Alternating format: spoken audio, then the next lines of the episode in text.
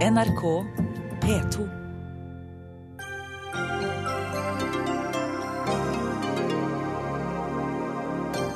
Flere arbeidsgivere må ansette folk med psykiske problemer, sa Erna Solberg i nyttårstalen. Da må du gjøre det lettere for oss, svarer Stormberg-gründer. Ole Gunnar Solskjær er Cardiffs nye manager. Den nye sjefen hans gjør det nesten sjokkerende at Solskjær tar jobben, mener sportskommentator. Toppsjefen i Orkla gir seg. Etter storomlegging forlater Åge Korsvold et annet selskap enn det han tok over. Omstillingsarbeid gjør deg ikke populær, innrømmer han. Og regjeringen strammer inn reglene for senaborter. Forslaget rammer de mest sårbare kvinnene, mener Gynekologforeningen.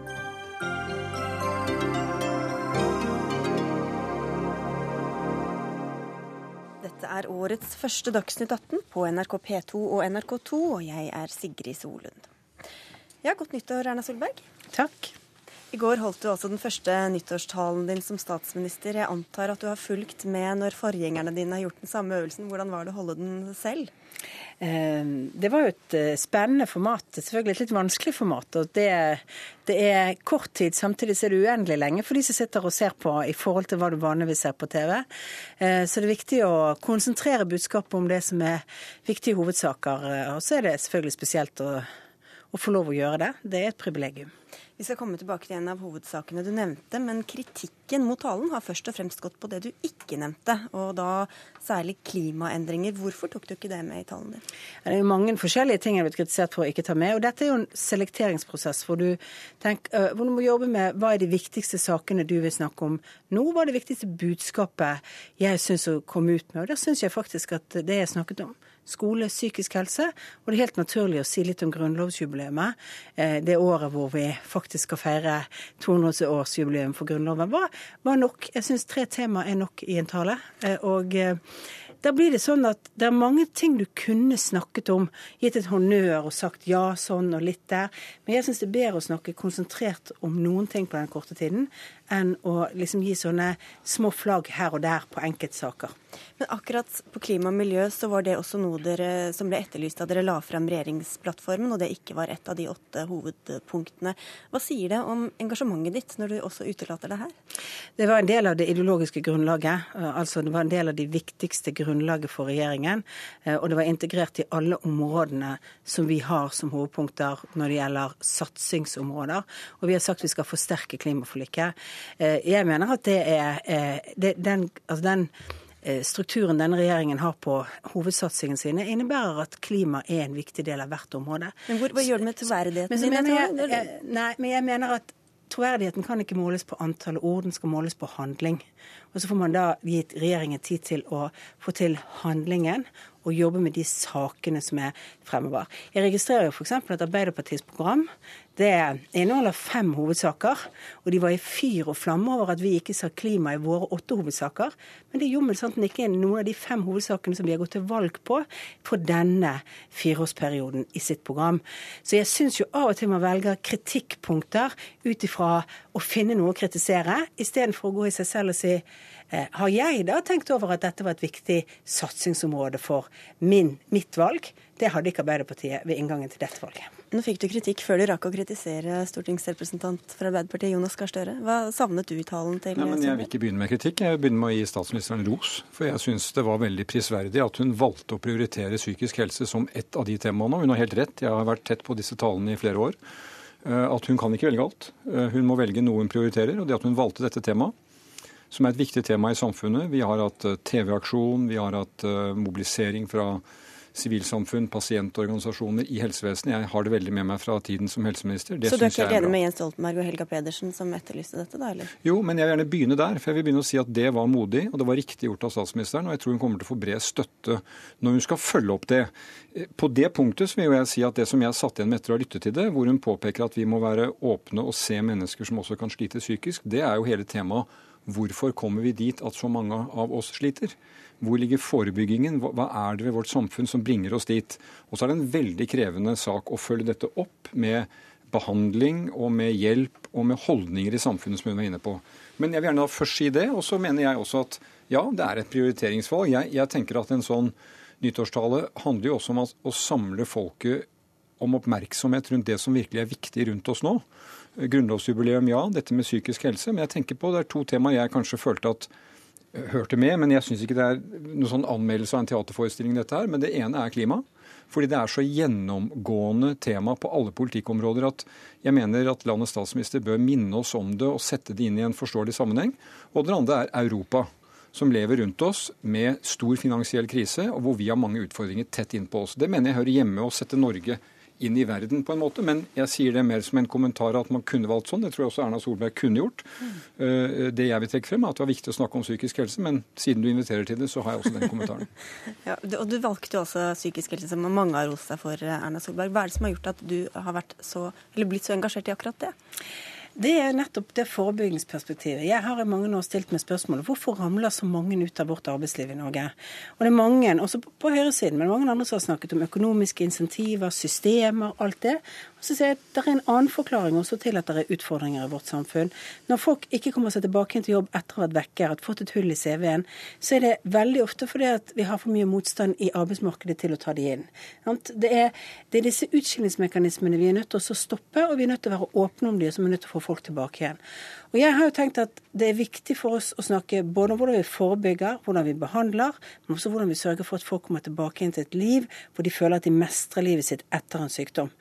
Og dette tenker jeg er en like viktig markeringssak fremover som eh, når det gjelder endringer i sosiale ordninger og diskusjonen om hvorfor mange står utenfor arbeidslivet, så er det å respektere at alle vi kan komme i en situasjon hvor vi i en periode i livet ikke fungerer sånn som arbeidsmarkedet eh, ønsker at vi skal fungere, som gjør at vi kommer utenfor.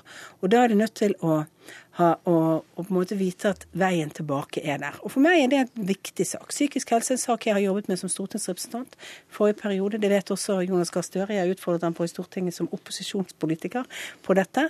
Eh, og jeg er glad for den voldsomme tilbakemeldingen jeg har fått på det. Det var åpenbart at dette var noe mange med problemer hadde behov for å høre. Og det er sikkert alle enige om at dette er prisverdig og bra. Og så er jo spørsmålet hvilke virkemidler man, man tar i bruk. Stormberg eh, trakk du fram i talen din som et eksempel til etterfølgelse. Der er du gründer og eier og daglig leder, Steinar J. Olsen. Noe du sikkert var veldig glad for å høre i talen i går. Men du ber henne også om å gjøre det mer attraktivt for andre arbeidsgivere å gjøre som deg. Og hvilke forslag har du til henne da? Nei, jeg vil si I utgangspunktet så, så, er det jo veldig positivt for alle oss arbeidsgivere som er opptatt av eh, inkludering i arbeidslivet, at eh, statsministeren var så eh, veldig tydelig på viktigheten av inkludering. Eh, så tydelig på dette med eh, psykisk helse og mulighetene som eh, mennesker med psykiske helseplager også har i, i arbeidslivet. Så må vi nok også innrømme det at det at det kun er 26% av norske virksomheter som er ja, bedrifter som har forplikta seg til å jobbe i forhold til inkluderende arbeidsliv, det at det er så mange mennesker i Norge som uh, lever i en passiv uh, stønadstrygdetilværelse når de har arbeidsevne, de tingene viser det at verktøyene foreløpig ikke har vært gode nok og kanskje ikke vært tydelige nok. og Det er bakgrunnen for at jeg kommet med to konkrete forslag som jeg tror arbeidsgivere over hele landet vil kunne forstå veldig lett, og som også vil kunne bidra til at arbeidsgivere nettopp er mye mer åpne for å inkludere mennesker som sliter med å komme inn på, på arbeidsmarkedet. Og Hva er de eh, to forslagene, kort fortalt? Kort fortalt så har jeg foreslått en to eh, pluss to-modell, som innebærer at eh, mennesker som av en eller annen årsak har vært utenfor arbeidslivet i minst to år, ja, de kan arbeidsgiver ansette, og så slippe arbeidsgiveravgiften på de i en toårsperiode. Så er jeg også opptatt av at eh, det skal bli langt flere virksomheter som eh, går inn i et forpliktende eh, IA-arbeid. Og I og med at det kun er 26 av norske virksomheter som faktisk har forplikta seg til, til, avtalen, så har jeg foreslått et tiltak som innebærer at IA-virksomheter som rekrutterer mennesker som har nedsatt arbeidsevne av en eller annen årsak, ja, de slipper også å betale arbeidsgiveravgift. Og jeg tror det å bruke arbeidsgiveravgiften som et aktivt eh, inkluderingsverktøy vil være veldig effektivt. Det er mange arbeidsgivere som føler at de går litt blind i Nav-jungelen i forhold til mange små og store tiltak. Det er vanskelig å holde oversikt. Men alle arbeidsgivere vet hva eh, en arbeidsgiveravgift er. Og det at en vet at en får fritak for arbeidsgiveravgift ved å rekruttere mennesker som står langt bak i køene, det tror jeg vil være effektivt. Da får vi høre med statsministeren her. Erna Solberg, her har du fått to virkemidler eh, du kan ta i bruk? Ja, altså Jeg er jo glad for alle gode innspill. og jeg mener Noe av det viktigste vi må gjøre, er å lage enkle, ubyråkratiske virkemidler på dette området. Så kan ikke jeg over bordet si at akkurat denne modellen er den riktige, men jeg syns vi skal vurdere det. I tillegg så har vi jo en vifte av, av tiltak som jeg tror næringslivet bør kjenne litt bedre til. Så vi bør være flinkere å forklare at vi har. Det er en av grunnene til at Høyre tidligere har foreslått at vi skal ha at folk som har fått hjelp og har behov for tilrettelegging på arbeidsplassen, skal ha en, eh, et såkalt green card med seg, på en måte en helt klart tydelig forpliktelse om disse tiltakene vil det offentlige betale hvis det trengs tilretteleggelse på arbeidsplassen. Vårt største utfordring er at det er veldig mange um, Altså, vi har, vi har lyktes med mye i avtalen. Særlig har sykefraværet gått ned. Ikke så mye som vi ønsket, men vi har ikke klart å inkludere flere som har stått utenfor arbeidslivet. Det er et problem. Altså Visjonene og virkelighetsbeskrivelsen er den samme større, men hva med virkemidlene? Det er veldig nyttig å lytte til Stormberg. Det, vi hørte også på han. og Jeg husker Jens Stoltenberg fortalte om sine kontakter han hadde, og det hadde gjort inntrykk på han. Det med arbeidsgiveravgift er et, det er et litt vanskelig tema. For det er mange grupper vi ønsker å få inn i arbeid som har vært ute noe tid. Og hvis arbeidsgiveravgiften skal være den som skal brukes på, for liksom gradere hvor mye vi trenger for folk tilbake, så kan det eh, komme opp med, med, med ja, for en gruppe kan skyve ut en annen ja, det, gruppe, f.eks.? Så det må utredes grundig. Men det som jeg gjorde veldig inntrykk på meg i den tiden jeg var helseminister, det var jo å se se i hvilken grad arbeid var svaret på mye av mm. problemene. Altså et psykisk helseproblem ikke en alvorlig sykdom, men lettere psykiske lidelser er jo det som vokser. Depresjon, angst, søvnmangel, den type ting.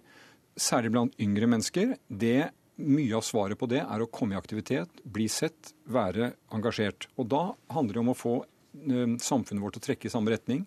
Helsevesenet, Nav, arbeidsmarkedet, bedriftene. Så jeg tror jo at dette IA-sporet hvor bedriftene er inne og på en måte erkjenner hva som er samfunnsutfordringene, er, er, veldig viktig. Og jeg tenker også at det er enormt viktig at vi har et særlig fokus på de unge.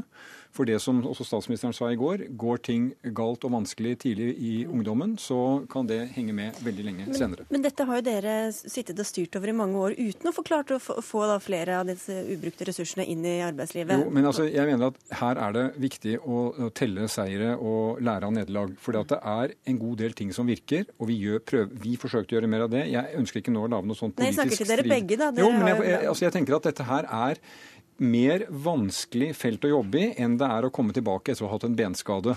En, en, en, fysisk skade. Fordi at Psykisk helse er ofte koblet opp med mange andre forhold som er knyttet til livsbetingelser og andre tilstander som er mindre A4 i forhold til både helse og arbeid.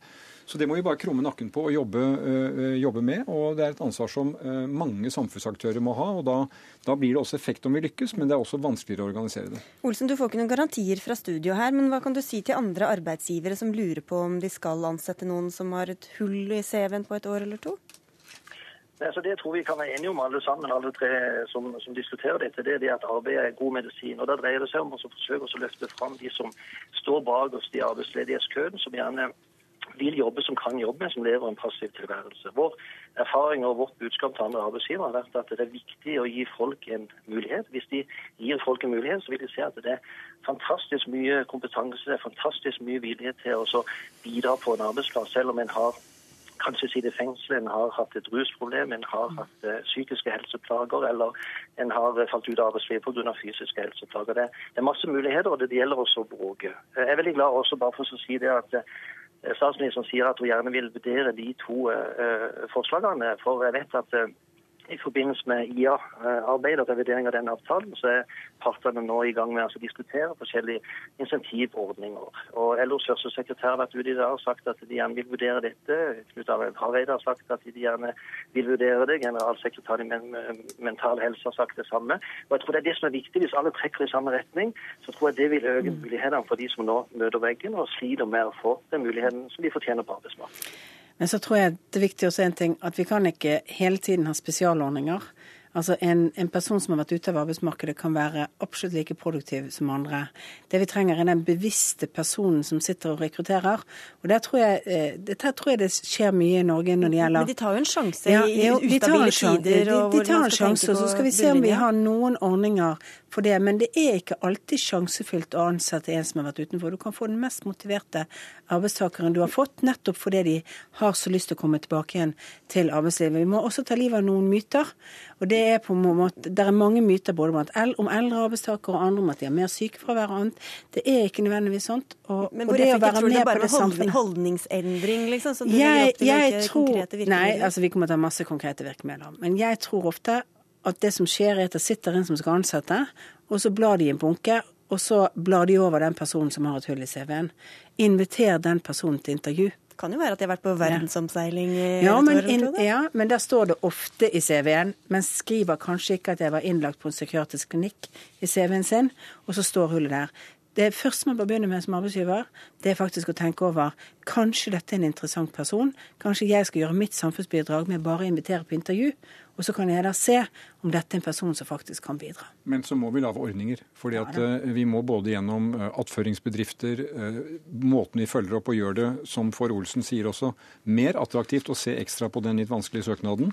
Det teller. Og det, det må vi følge opp nøye. Da fikk du med deg noen oppfordringer og forslag, Erna Solberg. Takk for at dere kom til Dagsnytt 18, statsminister Erna Solberg, Jonas Gahr Støre fra Arbeiderpartiet og Steinar Olsen fra Stormberg. Hør Dagsnytt 18 når du vil, på nettradio eller som podkast. nrk.no – dagsnytt 18.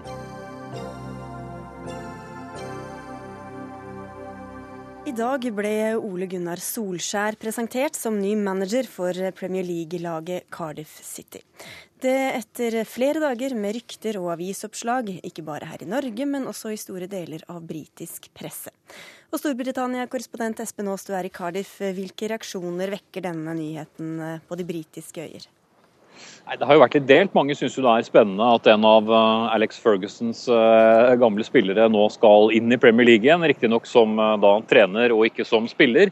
Men når det gjelder supporterne til, til, Cardiff, så er det nok delt ikke så mye pga. Solskjær selv, men pga. deres oppdritte eier Tann, som akkurat har kvittet seg med én trener, hentet inn eh, Solskjær, og mange spør seg om hvor mye penger kommer dette egentlig til å koste klubben.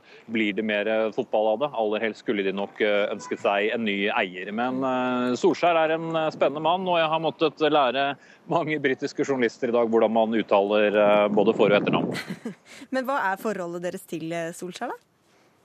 Vi kjenner han jo først og fremst uh, fra tiden i Manchester, uh, men navnet hans har jo da poppet opp uh, de siste ukene. De første reaksjonene her riktignok da det var snakk om Solskjær, de, de var negative fra supporterklubben. Men jeg tror at dette har modnet seg litt, og, og, mange av de britiske journalistene var åpenbart spent på hva han kom til å gjøre. Han har en tøff jobb foran seg. Det er ikke sånn at Cardiff har strålende resultater eh, bak seg og en lang vei foran seg. Mange kamper som, eh, som må gjøres bra og mange poeng som eh, må vinnes. Men jeg tror nok at eh, Solskjær er eh, ønsket velkommen, og ga nok et, eh, et godt inntrykk til mange på pressekonferansen her i dag. Takk skal du ha, Espen Aas.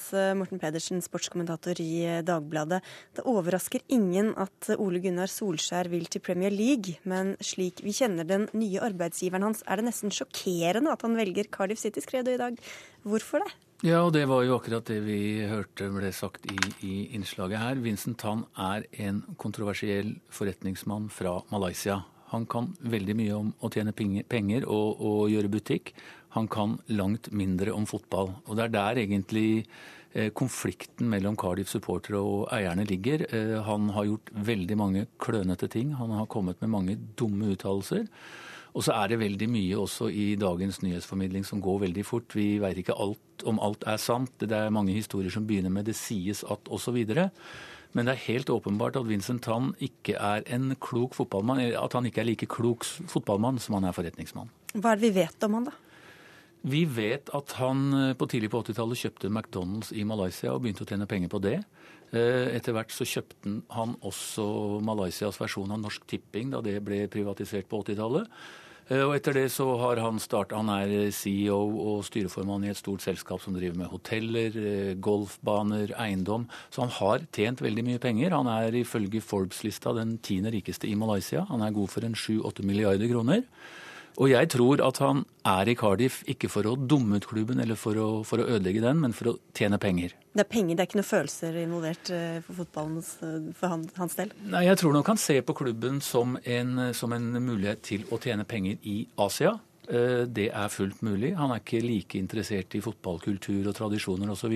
Men at han ikke ønsker Cardiffs beste, det nekter jeg å tro. Vi må få inn eh, deg, Anders Sigdestad. Du er leder for Cardiff Citys supporterklubb Scandinavian Bluebirds. Hva syns du om eh, dagens utnevnelse?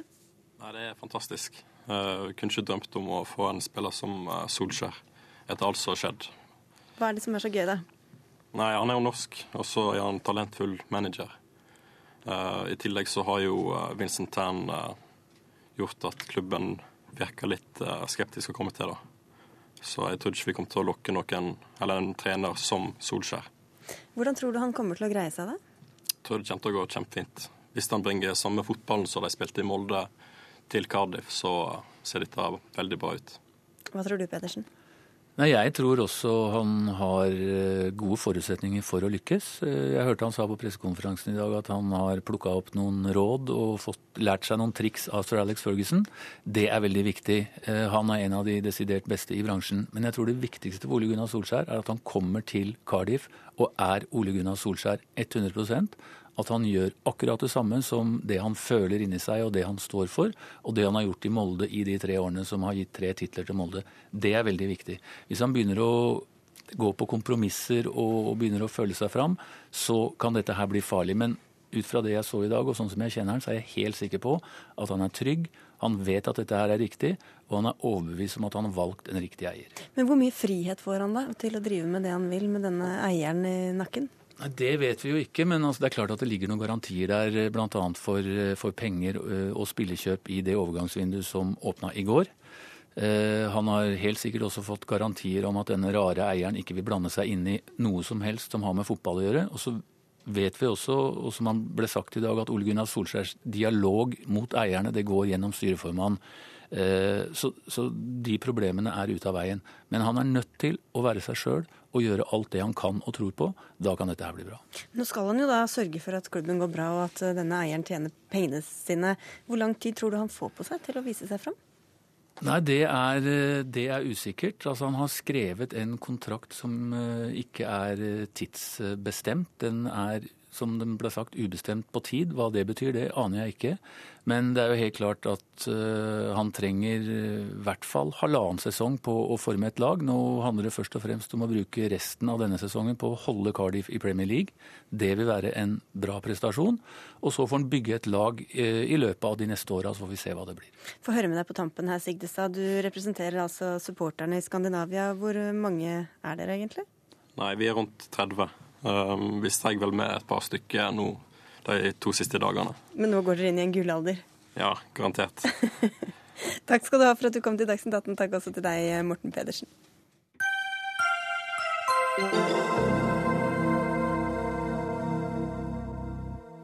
Det er eh, så dårlig luft i de store norske byene at det bør bli dyrere å passere bomringen i biler som forurenser mye.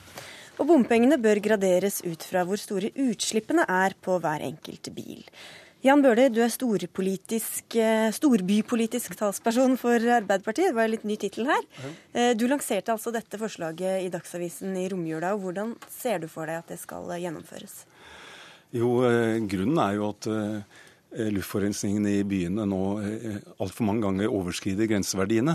Og bare i Oslo indre by er det prognosene forteller at de vil øke med 100% fram til 2030, så vi er nødt til å gjennomføre nye tiltak. Og Det er særlig de lokale forurensningene som slippes ut fra biler. altså Det heter nitrøse gasser nitrogenoksid osv. Og, og så heter det, er det uforbrent karbon fra motorene, kalles HC-partikler, eh, bensener. Og disse gassene de fører til store plager for de som har astma og allergier. De fører til at flere får sånne sykdommer, kols, lungesykdommer. Og eh, det er kreftfremkallende, kan eh, føre til mer hjerte-karsykdommer. Så det er alvorlige helseproblemer knytta til dette. Det er dieselbilene først og fremst du vil til livs? Nei, det er også, også andre biler er det forskjell på opptil 300 ganger mindre utslipp på moderne, lite forurensende motorer av disse nitrøse gassene, og biler som forurenser masse. Så jeg vil at forurenser skal betale, og at eh, vi ikke trenger å øke avgiftene, bomavgiftene totalt, men at det blir et skille mellom de som slipper ut mye, også av de lokale gassene, ikke bare klimautslippene, men disse lokale forurensningene som er veldig helseskadelige. Skille mellom de som slipper ut mye, og de som slipper ut lite. Men Hvordan skal du gradere altså lokal forurensning, CO2-utslipp? Hvor mange graderinger og hva slags system ser du for deg? Er teststasjoner som gjør dette, og, det finnes eksempler på det. Jeg har fått beskrevet at det finnes i Finland. At de kan teste biler etter, etter hvor mye de slipper ut, også av lokale utslipp. Og det har jo også fagmyndigheter som Norsk institutt for luftforurensning bekreftet at dette er gjennomførbart. Og, og Da vil man kunne få f.eks. fire kategorier, hvor man får bomregninger etter hvor mye man slipper ut. Altså prinsippet forurenser skal betale for å få en mindre utslipp av disse svært helseskadelige gassene, og få en positiv utvikling i bilparken. Da er det bare å sette i gang, da, Ketil Solvik-Olsen, samferdselsminister. Ja, Du skulle jo lure på hvorfor de ikke gjorde det de åtte årene de faktisk styrte, for da kunne de gjort dette. Men jeg tror de òg ser at dette er veldig eh, teknologisk krevende, for det første. For det andre så er jo mye av problemene en her prøver å løse, er problem som ble skapt under den rød-grønne regjeringen når de gjorde dieselbiler mye billigere enn bensinbiler. For det er jo de som har mye av problemene som Astmaforbundet og andre er opptatt av. Men her er det snakk om begge deler, da. Så hvis du Ja, men på forslaget fra hvis du ser på det som er de lokale miljøproblemene i, i storbyene, spesielt Oslo og Bergen, så er det problem som kommer fra bruk av diesel primært. Og så er det sveve, svevestøvsproblematikk. Men akkurat på svevestøv så har vi sett en bedring de siste årene. Så der har det blitt gjort en jobb eh, lokalt. Men det er altså utslippene fra dieselbiler som har økt kraftig, og det er jo pga. avgiftspolitikken som ble ført. Nå har vi gjort endringer i avgiftspolitikk som gjør at bensin- og dieselbiler kommer mer jevnt ut igjen. Og da ser vi at folk kjøper mer bensinbiler, og det er bra lokalt. Men bare for, bare, bare for å oppklare, for det er både lokale, altså både det som Ketil Solvik-Olsen snakker om, men også CO2-utslipp dere Ja, skal det er begge Ja, deler begge som er i de Og, og det er jo ikke riktig at det Nei, men er, ikke er sånne utslipp fra eh, bensinmotorer. Nei, jeg skal selvsagt er det utslipp fra bensinmotor, men det som har en miljø, lokal miljøforurensningsproblematikk, er mye mye mindre fra bensinmotorer enn fra dieselmotorer. Så det er litt interessant når han sier at det bare skal være fire kategorier. fordi at I dag så er det jo tre kategorier. Elbiler har ingen avgift, eh, vanlige personbiler har eh, en avgiftssats, og tungtransport har en tredje avgiftssats. Og Det betyr at i stor grad så har vi kommet dit han vil allerede. Eh, Så skal du få til dette, så må du ha mange flere kategorier, mye mer byråkrati. Vi ønsker å gjøre det enklere. Vi ønsker å få ett bomselskap på plass istedenfor 50 som det er blitt under de rød-grønne. Vi ønsker å generelt få lavere takster, fordi at det at forurenser skal betale, er jeg helt enig i. Men det gjør du når du kjøper bilen i dag. Da er det mye dyrere, høyere avgifter på biler med utslipp enn biler med lave utslipp. Mener du husker at dere fikk kritikk for å gjøre om litt eh, da dere gjorde om på budsjettet, så det ble billigere med de mest forurensende bilene også? Ja, men Det handler litt om at du må se på nytteverdien av bilene. At biler som har stor lasteevne, har blitt urimelig dyre. Det Så betyr- forurenser skal betale innimellom? Nei, men de betaler jo mye mer for en bil som kan eh, frakte sju personer i dag, enn det en elbil med bare plass til to eller fire personer gjør i dag. Men det er urimeligheten i en del av avgiftssystemet der det er for familier som gjerne ønsker å ha en sjuseter, så har du gjerne ikke råd til det fordi at avgiftene ble altfor høye. Men det er fortsatt sånn at eh, biler betaler mer i dag hvis du har høye utslipp enn hvis du har lave utslipp. Sånn at Der er det gjort noe. Og du betaler òg, hvis du har en bil med store utslipp, så betyr det at du bruker mer drivstoff. Det er jo der utslippene kommer ifra. Og du betaler da altså mer til statskassen hvis du må bruke mye drivstoff per mil, enn hvis du bruker lite. Så det som Bøhler ønsker, er allerede ivaretatt på andre deler av avgiftssystemet. Da trenger vi ikke gjøre det ytterligere byråkratisk og kostbart gjennom bomringen. Altså Det er bruken eh, jeg også vil påvirke. At vi skal få betale for bruk av svært forurensede biler, ikke bare kjøp av bilene, som handler om den engangsavgiften som Solvik-Olsen nevner. Men legge til én ekstra kategori ut fra de tre? Nei, altså jeg, altså, jeg nevnte vel fire til åtte, og da tenker ikke jeg, da holder jeg lastebiler og elbiler utenfor. Da, da har jeg, har jeg når jeg lanserte det, nevnte jeg fire til åtte grupper. og Der må man se hva som er teknologisk og praktisk eh, riktig inndeling. Men det er jo sånn også innenfor Hvis man eh, er helt enig i at dieselutslipp, eh, dieselbiler slipper ut altfor mye, og de vil jo bli redusert med dette grepet, men det er også veldig stor forskjell på bensinmotorer, hvor mye de slipper ut også. Nyere biler mellom de lavutslippsbilene, hybridbiler, og de som slipper ut mye. Sånn at det er, det er eh, å ta mer ansvar for helseskadene og for den lokale forurensningen. Mennesker skal leve i indre by i Oslo, indre by i Bergen i tiårene framover. Og da må vi begynne å tenke mer konstruktivt enn å bare være mot bompenger, som egentlig Fremskrittspartiet er. og som da vil gjøre at eh, de vil argumentere mot ethvert forslag av den typen. Samme hva, så vil de produsere argumenter. Hvorfor ikke gjøre noe som virkelig kan få et utslag? eh, Jo, men, men, men det gjør vi. Det er for sopestammer på de veiene der det er mye svevestøv allerede, og det ser vi gir mye effekt av. Det er ikke bare fordi Frp sitter i regjering, det er òg fordi at en lokalt har gjort mye som, som en skal gjøre. Men det er altså sånn at du betaler òg i dag for forurensning gjennom bruk. Det er feil det Bøhler sier. Du betaler høye drivstoffavgifter i Norge nettopp fordi at det skal være dyrt. Men det fører jo Eh, ikke til mindre kjøring på veiene av, og mindre forurensning, da? Det, det påvirker jo at en del folk, de med dårlig økonomi, ikke kjører så mye som de gjerne ellers ville valgt å gjort hvis de hadde hatt frihet til dette. Men det, dette som Bøhler eh, foreslår her, det rammer altså for det første det rammer de som kjøpte dieselbiler når de rød-grønne anbefalte de, så der føler de seg lurt. Eh, Jeg kjører òg dieselbil, så jeg vet hva det betyr. Eh, Det andre det betyr, det er at det er de som ikke har råd til å kjøpe nye biler, men som er i bruktmarkedet, som sørger for at biler ikke skrotes etter fem år, men gjerne har en levetid på 15-20 år, det er de som vil bli rammet av dette. Så de som altså har dårligst år i utgangspunktet, er de som nå må betale mer fordi at du har hatt en mislykka miljøpolitikk de siste åtte Usosialt, årene. altså, Jan Bøhler. Nei, altså Det som er usosialt, det er å la dette gå utover alle de barna, alle de som skal vokse opp i byene våre, og som vil, eh, altså antallet som har astma, allergier, lungesykdommer, eh, kreft, eh, hjerte-karsykdommer, som disse utslippene påvirker i høy grad, de, eh, det antallet øker i befolkningen. Og Det som er usosialt, er å la det gå utover de som bor i nærheten av disse hovedveiene våre, og som ikke har noe valg når det gjelder å velge bolig andre steder og kunne kjøpe villa et helt annet sted. Og det er jeg helt, Og- der er jeg helt enig med deg. og Derfor var Frp veldig kritisk når dere la om dieselavgiftspolitikken for fem-seks år siden. For vi sa at dette kommer til å skje, og nå ser vi at dere selv er bekymra over konsekvensene av deres egen politikk. Det vi har gjort, det er å få sopt veiene, det er å få eh, mer gods over på bane, mer gods over på kjøl. Det er masse tiltak her som vil løse dette på en bedre måte enn å skattlegge de fattigste enda mer. Vi er nødt til å avslå. Ok, to Han sekunder. diskuterer bare fortida. Altså han må Nei. kunne se framover. Jeg ser fram mot 2030. Utslippene i Oslo indre by vil øke med 100% av disse farlige gassene. Hører ingen tiltak her. Jo. Det som handler om Gods på- generelle avgifter, det er knyttet til gods, klimautslipp, Gods på ikke dette. gods på, på kjøl, mer miljøvennlige biler, bl.a. elbiler. Det er jo ting som jeg trodde vi alle var for. og Det det har- det har- ja, men Da har vi en framtidsløsning her uten å skattlegge folk mer. Nå må vi takke dere. Tusen takk for at dere kom, Jan Bøhler og Ketil Solvik-Olsen.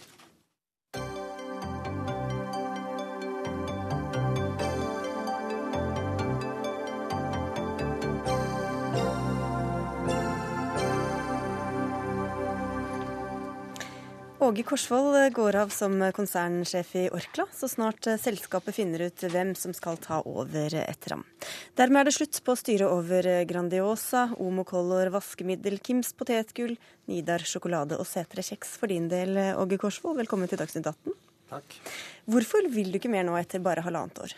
Jeg har hatt et engasjement, eh, og mitt mandat var å skape ett Orkla, et merkevareselskap. Og vi er kommet eh, i prosess hvor det er på tide at nye krefter overtar. Hvor vellykket synes du denne oppryddingsjobben du blir bedt om å ta, har gått? Nei, jeg, jeg har jo sagt i dag at jeg syns andre får gi karakterer. Eh, Men jeg synes jo at vi har eh, klart å skape et Orkla. Eh, Vi har en ny profil. og jeg tror det er mye optimisme og, og pågangsmot i den organisasjonen jeg nå forlater. Men hvordan har du gått fram? Hva er det du har kvittet deg med, og hva er det du har tatt til deg? Altså Orkla var jo et bredt konglomerat, eh, så vi har jo gått ut av da først og fremst solenergi, kjemi. eh, Vi har bygget ned finansporteføljen. eh, Så har vi et litt lengre løp når det gjelder en stor satsing i aluminium. Eh, Og så har vi gjort noen oppkjøp, så vi har styrket posisjonen på merkevaresiden. Dere er jo et stort selskap. Dere har eh, 30 000 ansatte i 40 land og en omsetning i milliardklassen. Du har ikke klart å gjøre Orkla-aksjen mer eh, verdifull. Hvor eh, suksessfull vil du da si at du har vært? Eh, altså Verdiskapning i merkevarevirksomhet, det er langsiktig. Og eh, vi har skapt en plattform, og så er jeg helt trygg på at uh, også markedet til slutt vil uh, honorere skjønner hvor, hvor godt du har jobbet. Men, men, men er du skuffet over at ikke det har gitt noe utslag så langt? da? Eh, Nei, altså, det, altså aksjemarkedet er ikke det eneste suksesskriterium. Jeg tror jeg får si det. Du har sagt eh, til oss i dag at omstillingsarbeid ikke er noen popularitetskonkurranse. Hvordan har du merket det? Nei, det er jo øh, både noen tunge øh, beslutninger man skal ta. Og vi, jeg treffer jo som eh, konsernsjef beslutninger som berører karrierer og mennesker. Eh, så det er jo en del av, eh, del av liksom oppgaven som, som, kan være krevende. Og det er jo også slik at det er jo ikke alltid alle er enig i de valgene som gjøres. Eh, så da må du, For å si det mildt? Da, så da må man stå for de tingene man mener. Ja. Da tror jeg vi må ta inn deg, eh, Terje Erikstad. Du er leder av finansredaksjonen i Dagens Næringsliv. Ble du overrasket da han sa han ville gi seg? Nei, det var ikke noe overraskelse. Fordi da Korsvold kom inn, så var det jo definert at det skulle være midlertidig. Så han har jo i og for seg, som å være, for å være midlertidig sjef, vært sjef ganske lenge, eh, snart to år. Ehm, så Det som kanskje er litt overraskende, er at Orkla velger å annonsere at han skal gå av, uten at de annonserer den som overtar. Det ville liksom vært det naturlige. Men uh, man ønsket å gjøre det på den måten. Og jeg tror ikke det, det skaper noe problemer for Orkla eller for Korsvoll. Men denne endringsprosessen har altså skapt litt bruduljer, som vi så vidt var innom. Hva kan du si om det? Hvordan har disse prosessene sett ut utenfra? Ja. Åge Korsvold er jo en mann som uh, har klare oppfatninger om hvordan selskaper skal ledes. Han har ledet Storebrand og gjorde store endringer der. Han gjør store endringer her, og det er ikke populært. Det er klart fordi mange av de som var ledere i Orkla, er nå ute av systemet. Eh, og så har han gjort det han har blitt jeg, hatt som mandat å gjøre fra styret. Han har kvittet seg med virksomheter som ikke skal være med videre. Og han har sørget for to store oppkjøp. Eh, så han har levert det han skal, men resultatene eh, vil det ta tid før vises. Sånn utviklingen i i, fjor, løpet av fjoråret. Nå har vi ikke helårsresultatet, han vet jo mer om det enn det vi gjør. Men etter tre kvartaler så var jo ikke Korsvoll fornøyd med den underliggende veksten. Eh, og nå gjenstår det en veldig si, krevende og langsiktig jobb for den nye sjefen, eh, som skal da få ned kostnadene og effektivisere driften og sørge for at selskapet klarer å utvikle nye merkevarer da, som står seg i konkurransen. Og Det er en krevende jobb. Men Burde man ha forventet en eh, høyere aksjekurs eh, på dette tidspunktet? Jeg tror nok kanskje det er litt sånn bittert både for eh, selvfølgelig også for Korsholm, men også for hovedeier Stein Erik Hagen. Fordi aksjemarkedet og investorene har liksom hele tiden sagt at Orkla det er så mye rart. Altså det, Man har så mange forskjellige virksomheter. Så det, er, det liker vi ikke. Vi vil gjerne ha et rendyrket selskap. Og så lager de et rendyrkeselskap, og så er det stabilt sideleie på børsen. Og det er litt, eh, selvfølgelig litt skuffende, særlig for eh, Hagen, som har mesteparten av formuen sin plassert der. Ja, Han er hovedeier og, og styreformann. Hva er det han har sagt til deg underveis, eh, Korsvold?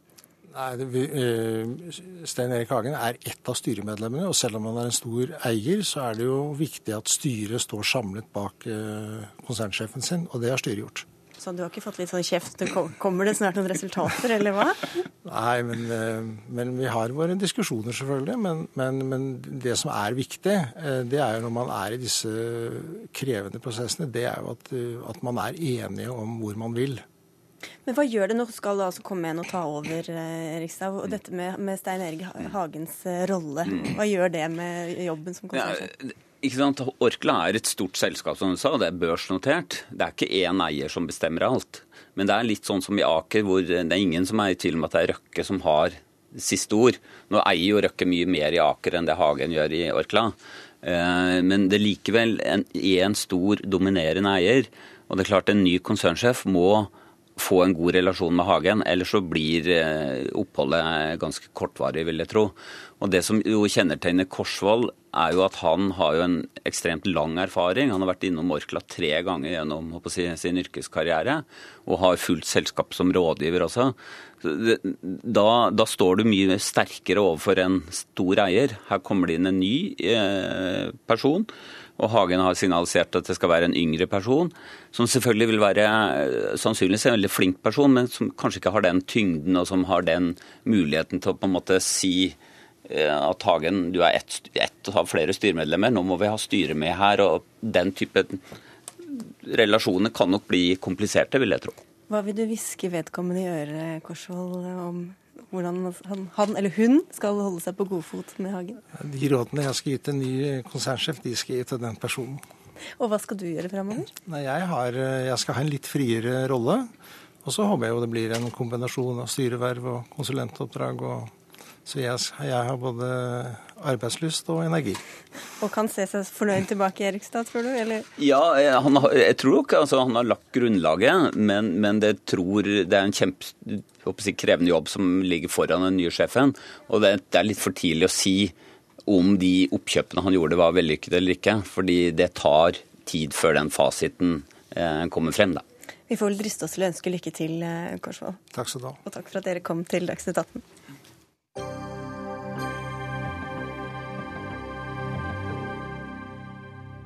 Regjeringa vil stramme inn på abortloven, som Dagsnytt fortalte i morges. Fram til 2011 ble det foretatt aborter på fosteret også i uke 22 og 23 i svangerskapet, men nå kommer Helsedirektoratet med en forskrift om at ikke noen skal kunne få abort fra og med uke 22. Rundt da begynner nemlig helsepersonell å forsøke å redde barn som fødes for tidlig. Mette Løkeland, du er nettredaktør hos Gynekologisk forening. Du er gynekolog og forsker. Hva synes du om at det nå settes en absolutt grense? Jeg mener at altså, Lova sier at du kan ta abort opp til fosteret er levedyktig. Eh, og at det skal være spesielt graverende eh, grunner til å få abort opp mot denne grensa. Det, en, det finnes ikke noen absolutte øvre grenser for levedyktighet, og det viser jo all forskning også. Og det at De tar ikke kvinnene på alvor, disse kvinnene som er spesielt vanskelige situasjoner, som har fått innvilga disse abortene. Det er jo bare 17 i løpet av en 11-årsperiode. De tar ikke disse kvinnene på alvor, og de måtte fratar dem en rett som de trenger i sine liv. Og De har jo satt ned egen ekspertgruppe som har konkludert med at det er ikke noe levedyktighet før 23 uker. Eh, og også veldig lite eh, mellom 23 og 24 uker. Og at det er også lite optimisme i forhold til å tro at denne levedyktighetsgrensa skal kunne trekkes noe særlig nedover. Til tross for at ekspertgruppa sier dette, så velger nå departementet, og, og de sier det med rene ord også, og så setter denne øvre abortgrensa ei uke lavere enn det som anses å være nedre levedyktighetsgrense. Dette mener vi må være i strid med lova, og fordi at det skal være mulig å ta det opp mot levedyktighet. Og vi mener at man opprettholder den muligheten til å bruke skjønn som man jo har valgt å ha ved å ha ei abortnemnd som skal gå inn og høre den enkelte kvinnens sak og vurdere hennes, hennes situasjon opp mot levedyktigheten til fosteret. Så hvilke, altså Nå har jo dette ikke gjaldt så veldig mange tilfeller, men hva slags tilfeller kan det gjelde at, at man skal kunne få innvilget abort også i uke 22 da f.eks.? Det er jo veldig ofte kvinner som har vanskelige livssituasjoner. Det kan være rus, alvorlig psykiatri. Det kan være at de enten i den aktuelle graviditeten eller tidligere har vært utsatt for overgrep eh, f.eks., som gjør at de ikke har skjønt skjønt at de er gravid. Eh, veldig ofte slike historier som gjør at de på en måte kommer i den situasjonen at de kommer så langt av graviditeten før de eh, skjønner at de er gravid og søker hjelp. Mm. Anne Grete Erlandsen, du er statssekretær i Helsedepartementet. Hvorfor gjør dere nå denne endringen og stanser eh, muligheten for en skjønnsvurdering? Nå er det sånn at Dette er en forskrift som gjøres klar for å sendes på høring nå i vår. Og så er det også sånn at eh, det som er forslaget i forskriften, er det som nå har vært praksis de siste to årene. Så det er ikke noen ny eh, vurdering av hvordan dette skal eh, tolkes. Og så er det viktig for meg å si at eh, lovverket skal ta to ulike hensyn. Og det ene er selvfølgelig kvinnens rett til å bestemme over egen kropp. Og det er eh, viktig. Og det andre er fosterets rett til liv hvis det er levedyktig. Og det er de to tingene som må ses i sammenheng. Og den ekspertgruppen som det refereres til her, sier at det er vanskelig for abortnemndene å vurdere når det enkelte foster er levedyktig, og anbefaler dermed en grense. Og det er det vi nå da følger opp. Hva får det å si egentlig, Løkeland, hvis praksisen de to siste årene også har vært i tråd med det som forskriften nå sier? Altså det som er vist, det vil snakke om kanskje to eller tre kvinner som ikke har fått innvilga sin mulighet til abort, da, eh, ut fra de tallene som er sett nå. Men det er jo sånn at det med abortnemnder det har vært vanskelig, det har vært forskjellig praksis rundt omkring i landet. Det så en jo, og derfor oppretta den, denne sentrale klagenemnda, som eh, da med to leger, psykolog, sosionom og en jurist som i hver hver sak skal vurdere på en måte kvinnens og da sannsynligheten for levedyktighet. Og Når man vurderte de sakene som klagenemnda har innvilga, så har man jo, slik jeg lest i papirene fra direktoratet, ikke funnet at de har handla i strid med lova. Mm. Eh, sånn at dette er en innskjerping. De har ikke handla i strid med lova, men de har utvist skjønn i de enkelte sakene. Og det mener vi at de må fortsette å få lov til å gjøre, både for å sikre kvinnenes rettigheter og fosteret sine rettigheter. Vi skal få inn en tredjeperson i studio her. Eh, Ola Didrik Saugstad, du er barnelege og har også en fortid i folkebevegelsen mot selvbestemt abort. Hva synes du om disse endringene? Nei, jeg tror det er viktig at vi har en um en øvre grense for eh, senabortene som eh, ikke tangerer akkurat eh, når et foster blir potensielt levedyktig. Her er den satt én uke tidligere enn Ja, ja. og det, det, er jo kan man jo diskutere skjønnsmessig. Men jeg tror det er viktig å ha det prinsippet. At, at man ikke får en overlapping her mellom senaborter og potensiell levedyktighet. Og jeg støtter i grunnen denne ekspertkomiteens uttalelse når de sier 21 uker og 6 dager. For fordi det er vel i tråd med medisinsk status slik det er i dag. Men bare for å spørre om en ting, Kan det være at man ser ut fra ultralyd og andre undersøkelser at barnet ikke er levedyktig, selv om det f.eks. er i uke 23 eller 24?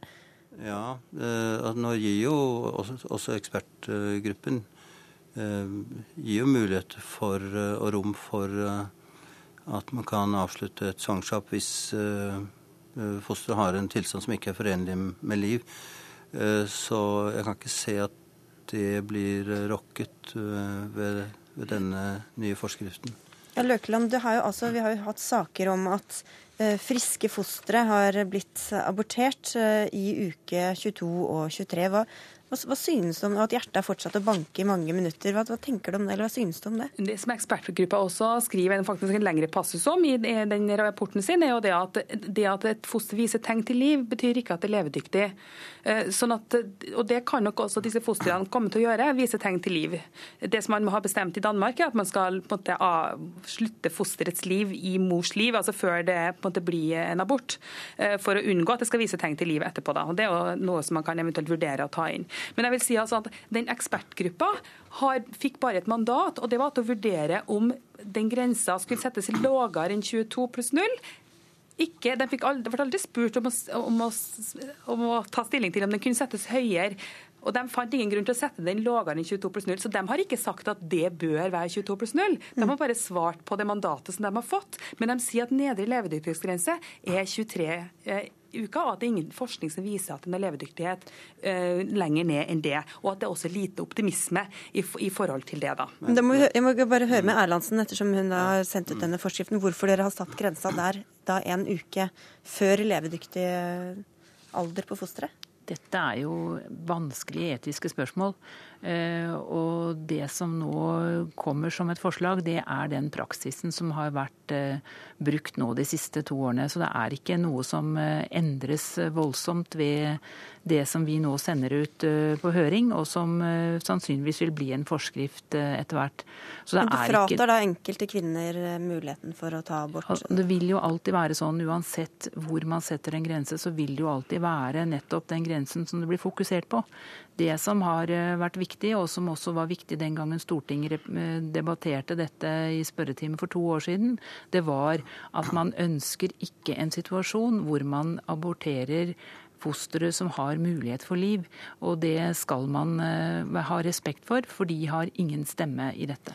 Saugstad, hva skal man gjøre hvis en kvinne da, som, som var eksempelet tidligere i denne debatten, blir, finner ut mm. at hun er gravid så sent, hun er i en veldig vanskelig livssituasjon, ønsker ikke dette barnet.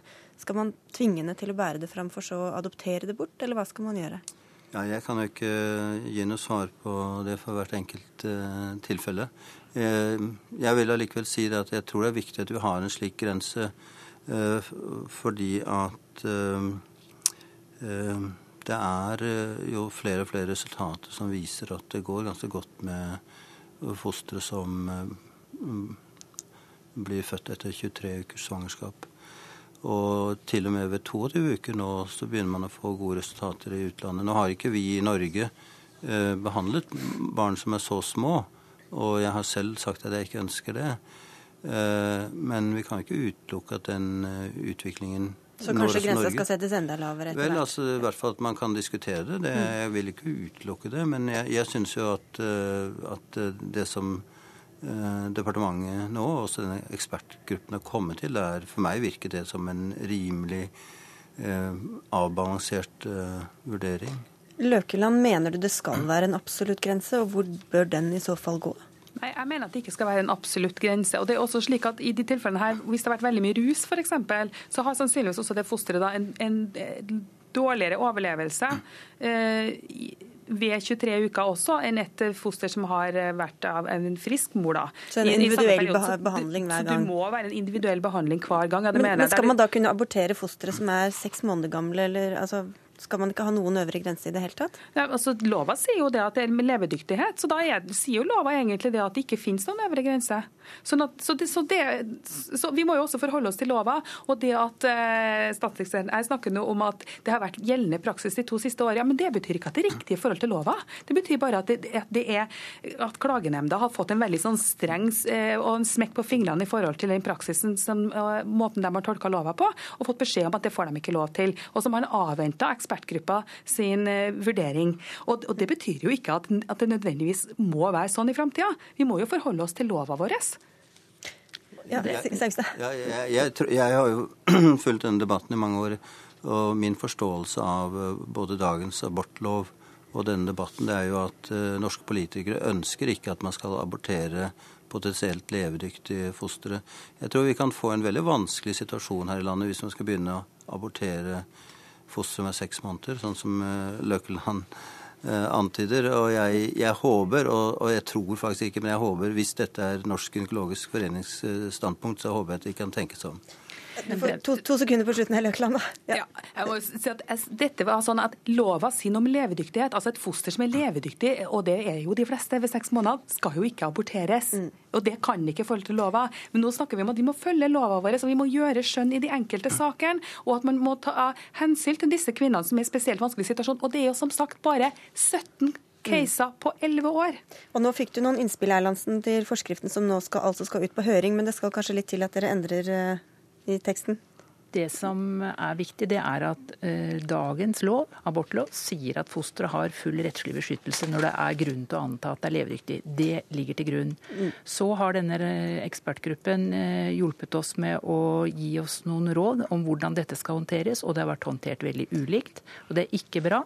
Og det bør være slik at vi også klarer å ta både vare på en mor i en vanskelig situasjon, og det som er et levedyktig foster. Vi er nødt til å avslutte der. Takk skal dere ha for at dere kom til Dagsnytt 18. Eh, Anne Grete Erlandsen fra Helsedepartementet, Mette Løkeland fra Gynekologisk forening og barnelege Ola Didrik Saugstad.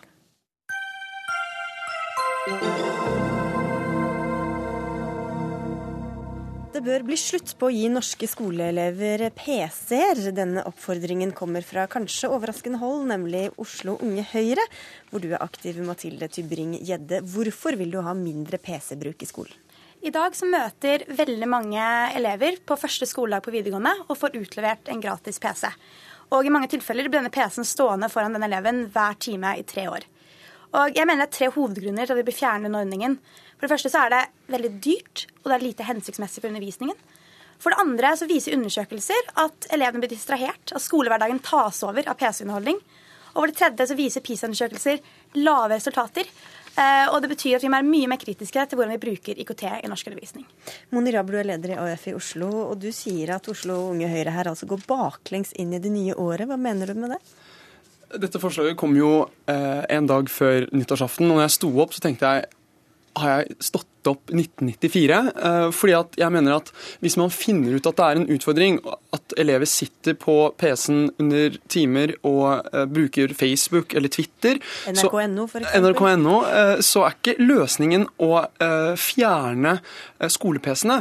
Heller å legge inn begrensninger, slik mange fylker og kommuner kan gjøre i dag. Slik at sånne nettsteder ikke kan besøkes under undervisninga. Fordi at det er veldig viktig å huske på at arbeidslivet er veldig styrt av IKT og av den teknologien. Og det å fjerne da skole-PC-ene kommer til å hemme veldig måten man eh, klarer å være eh, innovativ når man er ferdig på skolen, og hvordan man klarer å veksle og bruke eh, PC i arbeidssammenheng. Altså kontrollere bruken istedenfor å fjerne PC-en til Bringede? Altså, vi kan godt gå, Det hjelper på en måte ikke å gå forlengs inn i fremtiden hvis vi gjør elevene en bjørnetjeneste.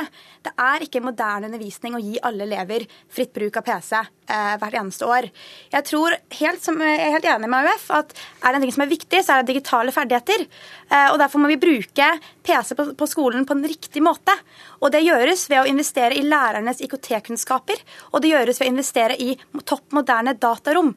Løsningen er ikke å gi PC til alle elever som brukes fritt. Er det litt sånn misforstått uh, syn på hva PC-en skal gjøre, at man skal innføre den i alle fag og bruke den ved enhver anledning? Eh, jeg tror at vi må stole på at lærerne med bedre etterutdanning innenfor IKT klarer å integrere PC-en når det er hensiktsmessig for undervisningen, i større grad enn i dag. Jeg må bare si at det er underlig at vi nå i dag diskuterer at man skal fjerne skole-PC-ene, når man samtidig har en diskusjon i høyere utdanning om man skal begynne å ta eksamen eh, ved bruk av PC.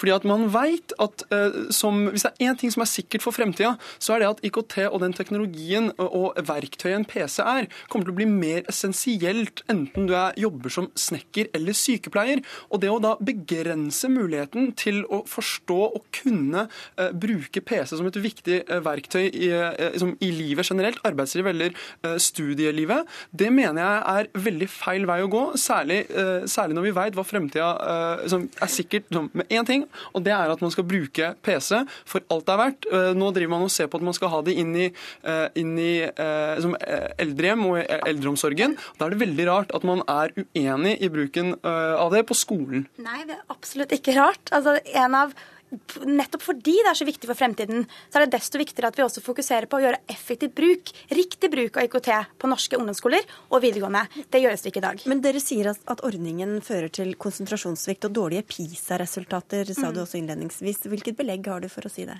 Nei, altså PISA-undersøkelsene viser to ting. Det viser lave resultater i fag som matte, men det viser også lavere konsentrasjonsevne. Og når elever selv sier at de oppnår lavere, konsentrasjon, lavere konsentrasjonsevne av IKT, så jeg, har jeg ikke noe belegg for å si det er direkte sammenheng. Mm. Men jeg synes det er interessant at vi ser at vi ligger lavt på fag som matte, som krever mye større utholdenhet enn det norske elever klarer å få til. Og de er jo på nettet nesten døgnet rundt ellers. Hvorfor skal de absolutt være det på skolen også? Fordi det å kunne bruke PC i undervisning og i den sammenhengen er veldig viktig, for da lærer man også hvordan man skal bruke teknologien. Det å kunne eh, i undervisning, det å vite hvordan, når, når er det man kan sitte og surfe, når er det man må sette seg ned og virkelig eh, ta notater notater eller skrive den oppgaven man har uh, som man skal levere inn. Det er veldig viktig at man lærer den vekslinga, fordi at den teknologien omgir vi oss med hver eneste dag. Det ser ikke ut til at de lærer det nå, da, hvis, hvis, de har store konsentrasjonsproblemer? Derfor er jeg også veldig spent på uh, hvilke forskning man har bak dette forslaget her. Uh, slik det virker for meg, så kan det være veldig liksom, en synsing, en antagelse av, av PISA-resultatene. Og jeg syns at når vi diskuterer kunnskap og, og, utdanning, så bør det være forskning som ligger bak. Så er det en en ting som jeg mener er veldig viktig å ha med. Eh, det er at når vi sitter og diskuterer, så var det første uh, Tybring-Gjedde sa, det var at det er dyrt. Vel, uh, nå har man klart, når man skifta regjering, så klarte man å fjerne skolefrukten. Nå ønsker man å gå løs på skole-PC-ene. Jeg er Snart er det pultene, veggene, takene, jeg vet ikke. Hvem vet hva som er neste? Og det som er veldig, det som, ja, nå, det frykter, men det er en ting jeg er veldig redd for. Du må si det kort, da. Ja. Eh, I Sist gang Høyre styrte, under Bondevik, så starta man samme diskusjon om skolebøkene. Man viste pro, liksom, eh, utfordringene ved å ha liksom, gratis uh, skolebøker. Jeg er veldig redd for at vi kan oppleve det samme med, med, med, med skole-PC-er. og og jeg, jeg utfordrer til å ikke røre skolebøkene. Okay. Det som er poenget er at Hvis jeg mener at skole-PC-er bidrar til å øke læringsutbyttet for elevene, så er selvfølgelig det kjempepositivt. Problemet er at vi bruker IKT-midler feil. Og i motsetning til AUF så har ikke jeg verdens eller ubegrenset mengde penger. Jeg mener at man må investere og prioritere det som er viktigst, og det er lærernes evne innenfor IKT. Derfor har den borgerlige regjeringen brukt 300 millioner kroner mer på etterutdanning. Og jeg mener må prioritere et topp moderne datarom som lærerne klarer å integrere i undervisningen. Kunnskapsminister Torbjørn Risaksen ble også invitert hit. Han er på ferie, tror jeg, men han sier at det er bra dere reiser debatten, men tror ikke at problemet er det digitale verktøyet i seg selv. Så dere har ikke fått med dere ham, men tror du dere får med dere resten av Unge Høyre? Eh, vi får håpe det. Vi skal ta debatten nå til eh, våren. Så det, jeg håper at vi får med vi får iallfall med Unge Høyre på at lærerne må få mer rett til å ha autoritet i klasserommet, og at eh, digitale verktøy brukes på annen måte enn de gjør i dag. Der fikk de ikke med Det håper virkelig ikke jeg at Unge Høyre blir med på, fordi det er ikke et godt forslag. og takk for at dere kom hit i Dagsnytt 18, Moni Jaber fra Oslo AUF og Mathilde Tybring-Gjedde fra Oslo Unge Høyre. Denne sendingen er over. Ida Tune Øretsland, Lisbeth Sellereite og jeg, Sigrid Solen, var ansvarlig for den.